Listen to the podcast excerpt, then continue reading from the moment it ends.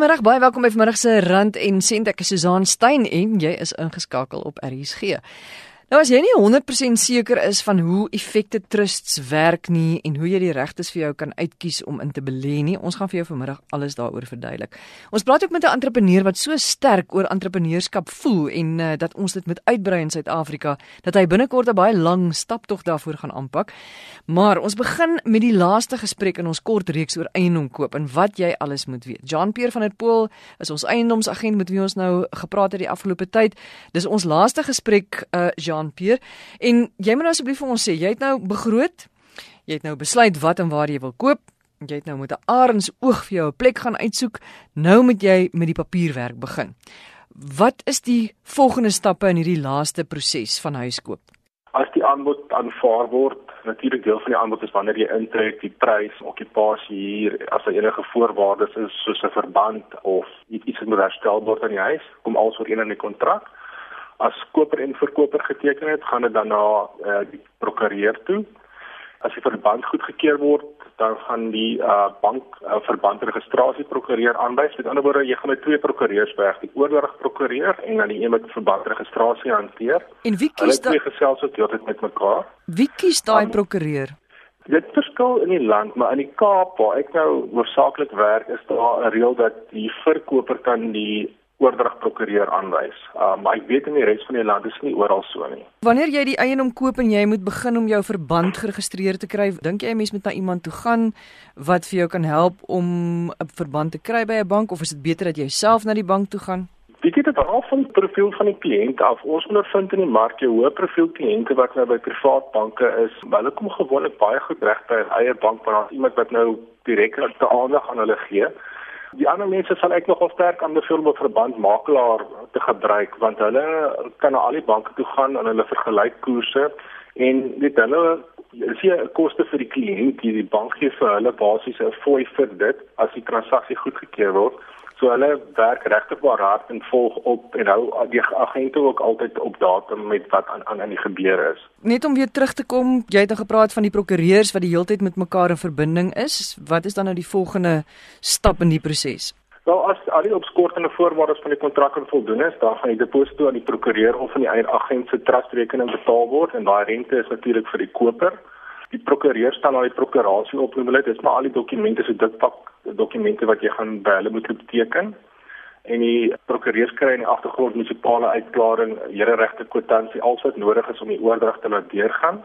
En die agent reël gewoonlik vir al die inspeksies die kewer elektries aan die Kaap wat 'n loodgieter se sertifikaat ook het al wat goeders moet saam ingedien word aan die akte kantoor. So die proses loop en dan so 2 weke voor registrasie moet plaasvind dien die prokureur al die dokumentasie in by die akte kantoor en dan er gewoonlik so 10 werkdae vir registrasie in plaas te vind.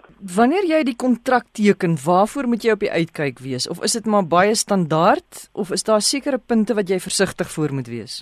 Weet jy as jy 'n uh, ervare agent gebruik, ons het gewoonlik 'n uh, vooropgestelde kontrak wat al die wetlike vereistes redelik goed dek en jou koper en jou verkoper beskerm. So as jy nou 'n privaat koop sê jy baie nie mooi deur die kontrak moet kyk te seker maak alles is daar. Maar die hoofpunte wat jy na moet kyk is is jou okupasie datum reg, is dit die datum wat jy graag wil intrek en as dit al twee. Ook jy okupasie hier, want dan kan iets gebeur dat jy registrasie dalk laat is of vroeg is, dan moet die een party die ander party huur betaal. So mense sê dit altyd in die kontrak dat as iets gebeur, dan weet jy, okay, ons gaan daai bedrag betaal van daai dag af indien iets fout gaan. Daar is geen openings is of enige verwarring is en net so die kontrak opstel dat elke ou weet in elke geval dit wat gaan gebeur dat daar geen verrassings is nie. Hoe lank duur oordrag en registrasie gewoonlik? Net sodat 'n mens kan weet want ek weet van baie mense wat gedink het ag dit gaan so 'n maand duur en dan moet hulle op die einde oordrag ag of dan moet hulle ook op die okupasie huur betaal wat hulle op die einde baie duur te staan kan kom want dikwels het jy twee eiendomme waarvoor jy skielik moet betaal. Jou kontantkoper wat absoluut kontant is, hy het die geld aan die bank, hy sit die geld oor in die prokureursrekening en als hardloop dan baie vinniger geskied. Ek bedoel, kom ons noem dit uh, 'n maand. Maar dit is ook die uitsondering. Normaalweg is daar 'n verband betrokke is, kyk jy minimum na 6 weke, maar as jy wil veilig wees 2 tot 3 maande. As ek nou iemand sou 'n kontrak moet teken en hulle wil intrek sonder op die paas hier sal ek hulle sê sit 2 maande daarop ten minste maar dan moet al jou goederes in plek wees en reg wees. Daar was wetgewing of daar is wetgewing wat bepaal het dat die koper verantwoordelik gehou kan word vir die verkoper se munisipale skuld. Maar daar was intussen hofsaake ja, wat is die situasie daar verduidelik net asseblief vir ons? Weet jy daai wetgewing het sulke al so jare en 'n half gelede in plek ingekom, maar dit het eintlik gesê dat die munisipaliteit die koper nou kan verantwoordelik hou vir die vorige mense vir die verkoper se skuld. Maar daar's nou twee hofsaake gewees waar albei uitgegooi is en die munisipaliteit verloor het. Met ander woorde, daai gaan nie nou meer staan nie. As jy 'n huis koop, die munisipaliteit gee hulle uitklaring vir die prokureur en as hulle 'n fout gemaak het, is dit hulle verantwoordelikheid. Ek weet van hierdie twee gevalle waar dit gebeur het, dit was toevallig in die Gauteng area gewees. Maar so ek sê mense het net bekommer daaroor nie. Dis al twee keer gewys in die hof dat dit gaan nie so werk nie. Jy het net al gepraat van 'n ervare agent. Hoe kies 'n mens 'n agent? Hoe weet jy wie kan jy vertrou? Jy moet eerstens kyk is die agent geregistreer by die um, agent uh, raad van agente. Jy kan op hulle webwerf gaan kyk, dis www .eaab is 'n state agency affairs board.org eaab.org.za Jy kan 'n PCC agent se naam intik en dan sal hy daar verskyn of as 'n agent vir jou e-pos stuur sal jy onder aansien is daar 'n noem dit privy seal. Elke dag word dit geopdateer dat jy 'n volwaardige agent is net daar klik en dan sal jy sien sy sertifikaat Jean-Pierre baie baie dankie vir jou tyd vir hierdie drie insiggewende gesprekke wat ons gehad het oor huiskoop. Dis Jean-Pierre van der Pool, hy is 'n eienoomsagenda van Kaapstad. En as jy weer wil gaan luister na hierdie gesprekke, ons het een gehad op die 22ste Oktober. Dit was ons eerste gesprek in ons reeks oor wat jy moet doen as jy 'n huis wil koop en toe weer verlede Sondag, die 5de November en natuurlik vandag. En as jy weer hierna wil gaan luister, gaan na www.rsg.co.za, klik op potgooi gaan jy na Rand en Sent toe, dan gaan jy na die datums toe, dan kan jy weer gaan luister na ons gesprek. En as jy enige vrae het, Susan by rsg.co.za, dis S U Z A A N by rsg.co.za. Effekte trust is 'n onderwerp waaroor baie luisteraars vra het. Hoe werk dit? Hoe kies jy effekte trust wat jou die beste gaan pas? Andrei Tak is 'n beleggingskonsultant van Tenex Investments in Kaapstad. En Andre vir diegene van ons wat nou nie 100% seker is wat 'n effekte trust is en hoe dit werk nie, miskien net gou eers, hoe gaan jy 'n effekte trust vir iemand beskryf? Of wat sal jy sê, wat is dit? Effekte trust is 'n mandjie van onderaandele. So jy kan basies al die aandele in 'n in 'n belegging hê. As ons kyk na Naspers as 'n voorbeeld, Naspers as 'n individuele onderaandeel kos R3000 'n aandeel ongeveer. So jy deur R3000 kan jy net een onderaandeel koop. Maar die effektiewe of effektiewe maatskappye maak dit moontlik vir die gewone man en vrou op straat om te belê al hierdie maatskappye wat ons ken, die Investec, die Naspers en hierdie maatskappye, Sasol ensovoorts in 'n bankie en dan word al hierdie gelde saamgevoeg om vir jou effekte terug te koop. So jy's 'n aandeelhouer in die onderliggende effekte trust belegging. En hoeveel verskillende effekte truste is daar? Daar is 1600 effekte trust in Suid-Afrika. Hierdie industrie groei geweldig oor die afgelope dekade, oor die afgelope jare. En ehm uh, daar's 'n legio van keuse, maar so baie van keuse is nie altyd 'n goeie ding nie. Want die probleem is dis baie moeilik vir kliënte om op hoogte te hou van al hierdie bekende en onbekende effekte trust. Watter een is die geskikte een vir my om te kies? Dit is 'n baie moeilike keuse. So hoe kies 'n mens nou? Dit is baie belangrik dat jy moet gaan kyk wat is jou beleggingsdoel? Waarvoor spaar jy? Wat is daai doel wat dit is baie belangrik. Dan moet jy kyk na aspekte soos likwiditeit. Hoe lanktermyn is dit 3 jaar, is dit 5 jaar, is dit skoolopvoeding, is dit vir aftrede. Jy moet likwiditeit hê. Dit beteken jy moet toegang hê tot jou belegging. Is dit 'n opsie? Belasting is 'n groot aspek wat jy in ag moet neem. So al hierdie aspekte gaan vir jou 'n idee gee van wat is die tipe van beleggingsstrategie wat jy moet volg en hoe lank jy moet belê. So jy moet nou gaan kyk na jou situasie en dan besluit jy nou maar wat die een is reg vir jou. So hoe gaan jy presies weet? Right. Hoe jy, hoe jy presies gaan weet is as ek sê jy moet jou beleggingsdoelwit dat een sit en jy besluit vir 'n periode van 5 jaar en langer. Beveel ons altyd aan dat 'n belegging in aktiewe of aandele jou beste bateklas gaan wees. Dit is altyd goed om ook in te sluit, nie net aandele nie, maar ook genoteerde eiendom, staatseffekte, kontant, SA aandele en internasionale aandele. Want baie studies het gewys dat die optimale bateallokasie, beteken jy's gediversifiseerd in al die bateklasse, gaan vir jou oor 'n oor 'n periode van 15, 15, 20 jaar die beste opbrengs gee. Want markte beweeg in siklusse. Dit beteken as aandele weens Brexit as 'n voorbeeld in 2016 nie so goed gedoen het nie, het genoteerde eiendom of internasionale aandele vir jou goed gedoen. So jy het altyd blootstelling in al hierdie bateklasse. So jy moet maar net onthou, dit is belangrik om te diversifiseer. Dit is baie belangrik om te diversifiseer. Ek dink Suid-Afrika, ons verstaan dit baie goed. Ons is maar 0.5 van die wêreldekonomie en wêreldmarkte. So jy moet behalwe net in Suid-Afrika belê, ook 'n beduidende aandeel van jou blootstelling internasionaal hê in eerste wêreldmarkte en in geografiese streke. Dit is baie belangrik. Daar is soveel kennis om in te win op die webtuistes van finansiële maatskappye Byvoorbeeld ek is by Tenex Investment en jy daar's legio en legio opvoedkundige materiaal om vir kliënte te help by ons en ander maatskappye om hierdie ingeligte besluit te kan neem. Mense hoor baie van fooie en jy moet seker maak dat fooie nou nie, jy weet jou kort week nie, maar hoe gaan jy seker maak dat fooie nie jou hele belegging wegvreet of 'n groot deel van jou belegging wegvreet nie? Dis so, 'n baie belangrike aspek daarin. Ehm um, dit is 'n baie kontroversiële aspek in die industrie want ek bedoel in Suid-Afrika word gedomeineer deur passiewe fondsbestuur. Internasionaal word meer en meer die tendens is passiewe fondsbestuur of indeksgekoppelde beleggings. Dis ook wat ons doen. So indeksgekoppelde beleggings is waar jy basies net die verskillende indekse repliseer. En dit kom teen 'n laer koste So dis baie belangrik dat jy gaan kyk wat is die prys wat jy gaan betaal om in hierdie spesifieke effekte trust fonds te belê. Ek kan in dieselfde effekte trust fonds belê, maar dit kan 3 of 4 verskillende pryse as gevolg van die klas van effekte trust waarin jy belê. So jy in fondsklas A belê, dan is dit die duurste fondsklas. Jy nou moet kapai te bel en sê ja meneer, jy kan in hierdie fondsklas belê, maak net seker hulle alternatiewe wat ons noem skoonprys of beter prys fondsklasse. Dis normaalweg 'n B2 fondsklas. So maak seker jy kry dieselfde fonds teen 'n laer koste. So wat gebeur in die industrie is finansiële tussenganger bring kliënt X na maatskappy B toe. Nou het ons al klaar gepraat van finansiële adviseurskoste, fondsbestuurkoste, daar's administrasieplatformkoste, daar's fondsprestasiefooie en en en. So dit is nie 'n goeie ding dan 3 of 4 verskillende kostes saam te voeg as wat jy kon direk na die maatskappy toe gegaan het en net een koste kon gehad het nie. So wat jy sê is beter om direk na 'n beleggingsmaatskappy toe te gaan en deur hulle fondsbestuurders te werk as om nou 'n tussenganger te hê. Definitief. Ek dink daar's baie aspekte waar op terreine waar jy wel finansiële beplanner nodig het.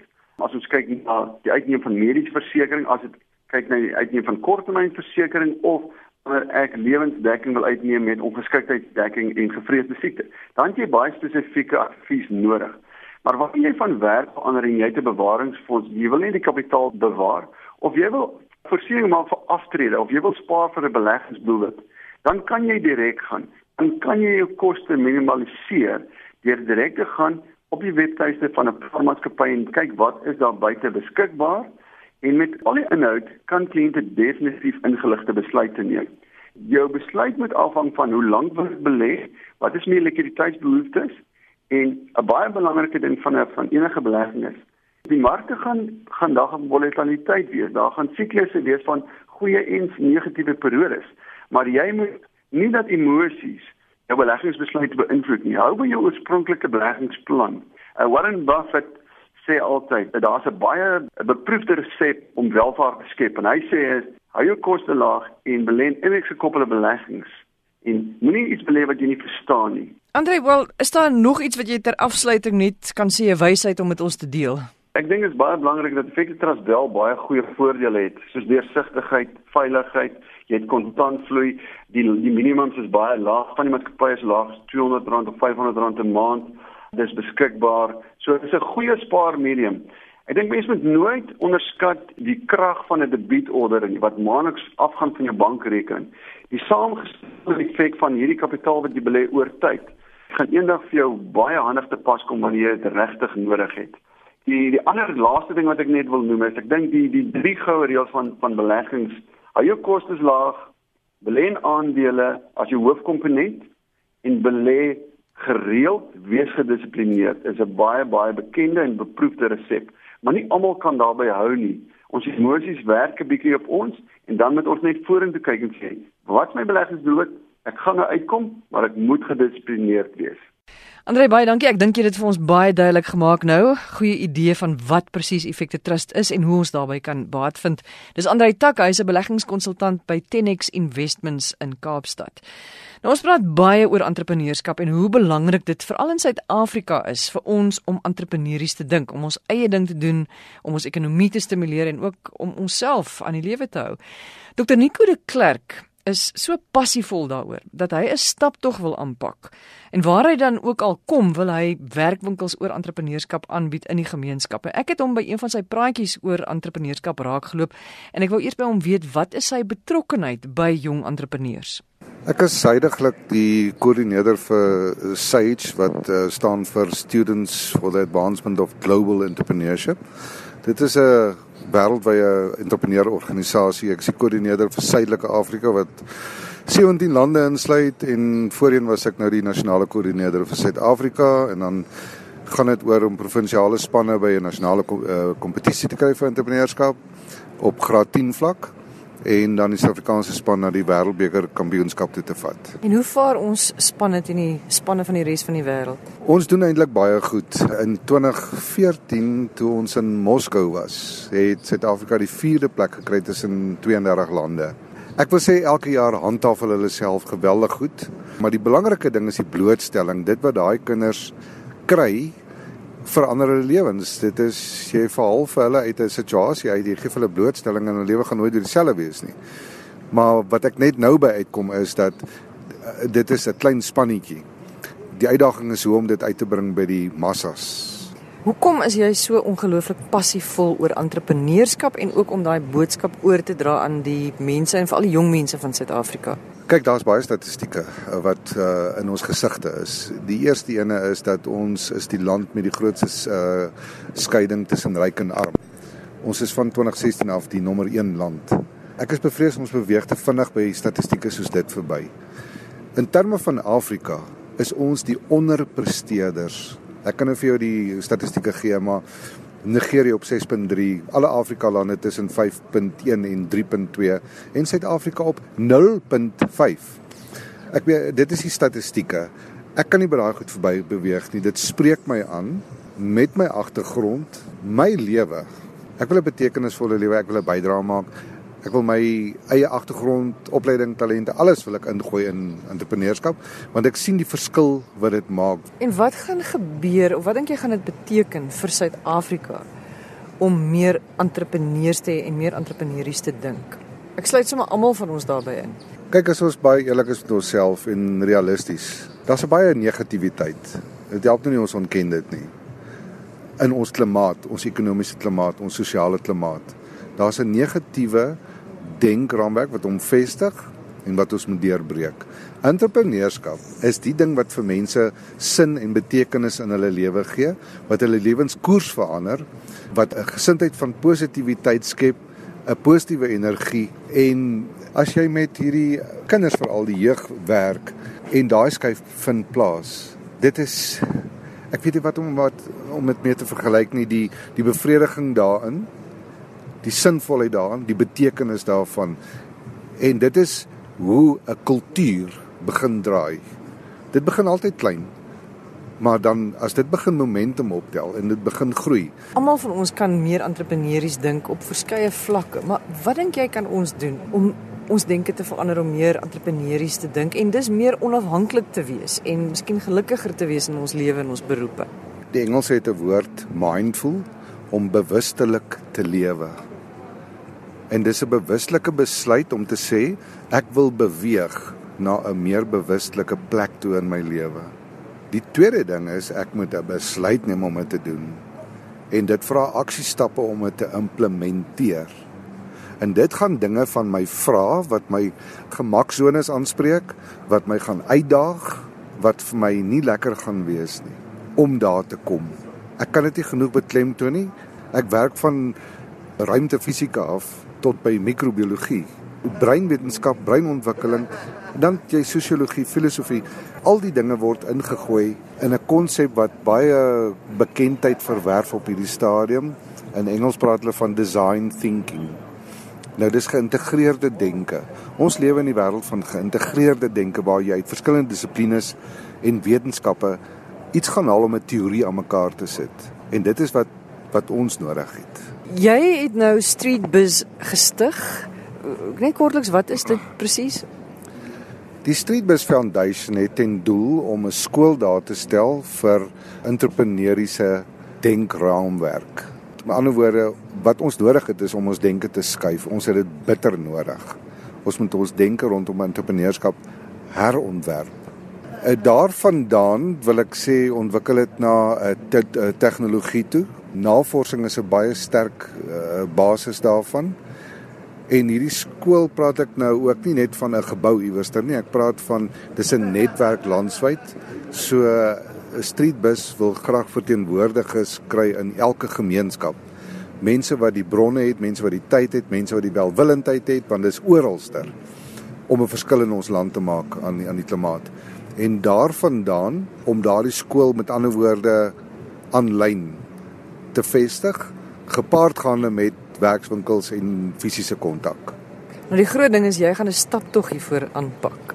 Ek het nou my studie, my doktorale studie voltooi oor uh die Camino de Santiago de Compostela, die pelgrimstog in Spanje na Santiago toe. Hoekom mense dit doen? Wat is die betekenis wat hulle daar gaan haal? Hoekom is daar so verskynsel? Hoekom word dit so gewild? Hoekom spreek dit mense so aan? Presies daai pelgrims pas sal almal in die profiel inpas om by streetbus in te skakel. So die pelgrimstog konsep het definitief vir my 'n pad oopgemaak na hierdie entrepreneurskap bydra toe ook. Nou wil ek hierdie stap tog aanpak. Ek wil begin by die Unie geboue en ek wil stap tot by die parlementsgebou in die Kaap. Die roete wat ek gaan stap hier teen die Malutis langs die berge af in Lesotho Graafrenet af tot by die kus en dan Kaapstad toe is oor die 2000 km. Die betekenis daar's 'n boodskap daarin en dit is wat vir my die motivering en die krag gaan gee vir die hele ding. 'n Boodskap van hoop. 'n Boodskap van hoe moontlik dit is om denke te verander. So op die roete wil ek by gemeenskappe aandoen, werkswinkels aanbied vir werklooses, vir uh, jeug. Navorsing is ingebou Ek sal graag die netwerk daar wil vestig van uh in die gemeenskappe van Streetbus. Met ander woorde, dit is 'n bewuswordingsoefening, dit is bemarking, dit is om die konsep op die tafel te sit. Dit is Dr Nico de Klerk wat daai lang stap tog gaan aanpak vir entrepreneurskap in Suid-Afrika. As jy enige vrae hieroor het of enige van ons ander gesprekke stuur vir my e-pos Susan@rsg.co.za. Dis S U Z A A N by rsg.co.za. Volgende Sondag gaan ons dan praat oor of ons gaan 'n paar vrae beantwoord van ons luisteraars wat julle al reeds ingestuur het. Onthou om dan in te skakel. Vir my, ek hoop is 'n wonderlike week vir jou. Baie dankie vir die saamluister. Totsiens.